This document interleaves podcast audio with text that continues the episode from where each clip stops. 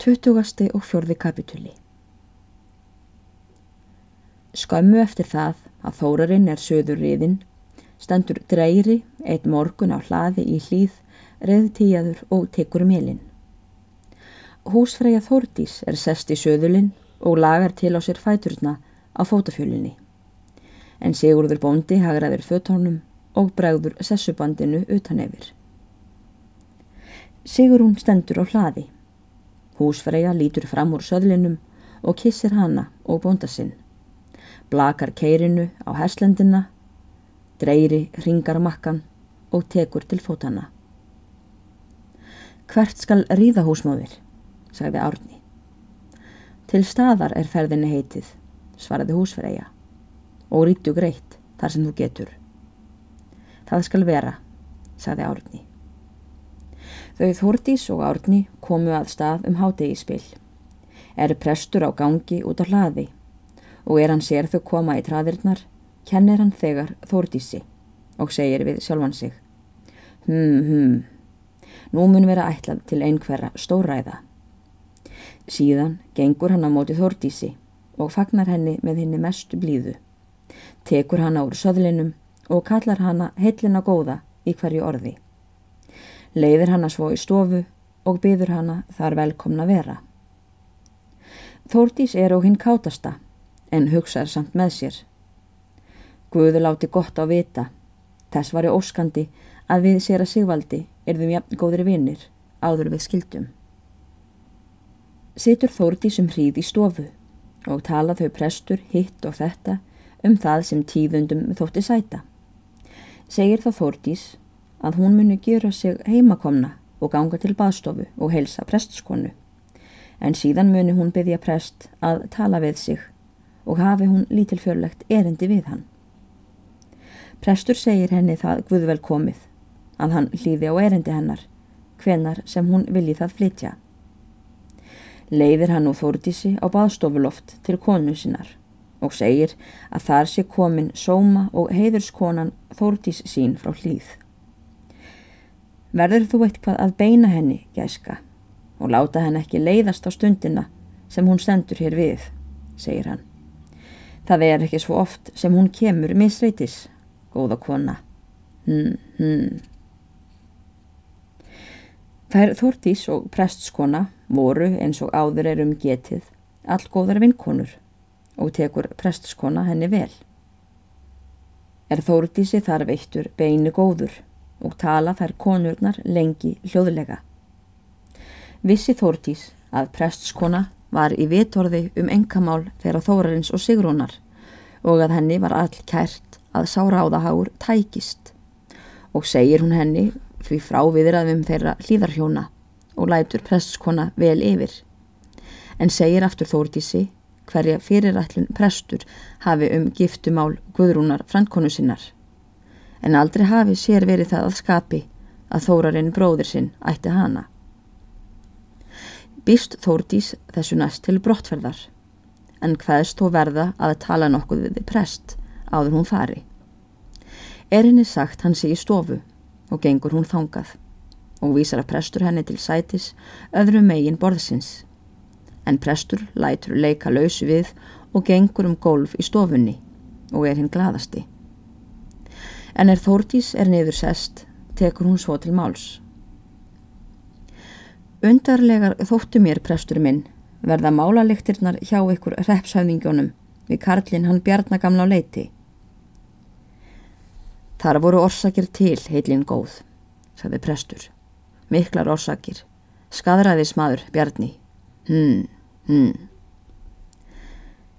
Ég vænti ykkur hafi þótt það nægar orsakir, sagði Þórtís og brosti við. Hafi hann leist ofan um meðhjálparan, en margur hefur nú gefið öðrum í öskjurnar og er ekki vísað úr kór eða settur út af sakramentinu og hafi hann þá átt hendur sínar að verja og honum verið veittar árásir að fyrrabræði sem líklegt er að verið hafi því engin veit annað um hann en hann sé spakur og óáleitinn Karl Róið ef hann er ekki árættur. Það er neykslið, heilin góð, í söfniðunum sem verður að vandlæta öðrum til viðvörunar. Það segist ekki lítið á því að ráðast á saklösa menn og jarðvarpa og misþyrma þeim. Hmm, hmm. Það er því fagurt afspurnar ef það færi að tíðkast og þeir sem það görðu slippu víta laust, sagði prestur með mikill í alvörugefni. Og svo er það, ansaði Þórdís. Ef það færi þá ekki svo fyrir ykkur blessuðum um neykslanirnar og vandlætið að þið síjuðuð mýfluguna og svelduð úlvaldan stundum höfðingjarnir. Þú segir alltind eitthvað Þórdís mín. Hmm, hmm.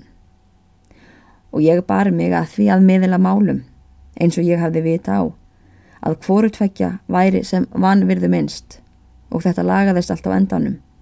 Karlinn fær nú sakramentið þegar hann vill og maðurinn niðar gjörði gott úr öllu og borgaði þessa skildinga fyrir hann. Það skildi nú aldrei hafa verið hefði ég máttur á það að hann hefði borgað nokkur skilding fyrir hann, sagði Þórtís. En það er nú komið sem komið er og líklegast að hver hafi það sem hann hefur lotið. Grímur, skellin og skildingana Bjarni útlátin og ánægjuna og piltarnir gamanið og þar með sé þessum málum lokið. En ekki var það raunar það sem ég ætlaði við yfir að tala presturinn minn, heldur hitt. Sigurður bóndi minn beiti mig að taka hjá yfir blaðsneipu sem óvart hefði orðið eftir hjá yfir þegar hann kom hér síðast. Það er ekki verðt að flækist við það. Hvernig stendur á því heitlinn góð, saði prestur. Ég held hann misminni það að hann hafi skilið hér eftir nokkuð bref nema það sem við vissum til báðir, kaupri við okkar fyrir kotinu. Hann ávist ekki við það. Það getur verið þér kallið það kauprif, saði Þortís. Ég skal segja yfir heilin góð. Þér viti það ef til vill ekki eins og það er sagði prestur ofur ísmígilega. Það er reglulegt kaupref með nafni Sigurðar míns undir og innsikli. Í tem tveggja viðverandi kaupvotta. Hann gjörði það frjáls og óneittur að selja mér kotið. Ekki veit ég það, hvort það er undirskrifað af mörgum eða fáum, en hvort sem nú heldur er, þá er það nú þetta bref sem við ætlum, hjónin, að byggja yfir prestur minn að skila aftur. Við höfum svo lengi átt hamar að við ætlum ekki að farga honum meðan við þurfum þess ekki með. Og veri þér að gamna yfir þólkis mín, sagði prestur hálf hlæjandi. Ég get ekki verið að gjöra það ónýtt sem búið er að gjöra vottanlegt og skriflegt. Ég held líka, þórtis mín, að þér þurfið ekki að yðrast eftir þeim kaupum. Þetta er ekki sem höfuðbólið sé, hann hamar. Það er tónskíkin þar sem teljandi er. Kotið niður nýtt og úr sér gengið á allar lundir. Og eins og ég sagði honum sigurðu mínum. Þetta var ekki til neins fyrir ykkur, gömul hjón að vera að halda í þetta kot. Eftir aldið til lítill að muna og því haldið þið meðan þið lifið. En kostnaðurinn að rétta það við þegar það losnar. Það er orðið til lítils annars en byrðar og anstreimis að eiga þessar jarðir í misjafniri ábúð. Hmm, hmm. Ef jarðarskinnið er svo ónýtt og einskisvert sem þér segið, prestur minn, sagði Þórtís stillilega, þá er heldur ekki eftir miklu að slæjast. Annað mál er það, þó mér kynni að verða eitthvað úr kotinu, fyrir ég hef eftir vill þau ráð sem Sigurður minn hefur ekki að koma á það viðunanlegri byggingu þegar framlýða stundir. En bæði er það að Sigurður minn er engin eftirgangsmaður og svo eru þeir skilmálar millir þeirra þóris sem hann á bátt með að raska. En að öðru leiti veit ég ekki hvað ég kynni að gjöra fyrir vild og vinnáttu ef þið sæjuð svo mikið eftir þessu koti. Hver veit, nema ég selji ykkur það aftur fyrir það verð sem okkur um semur og ég sæi mig vera skadlausan af.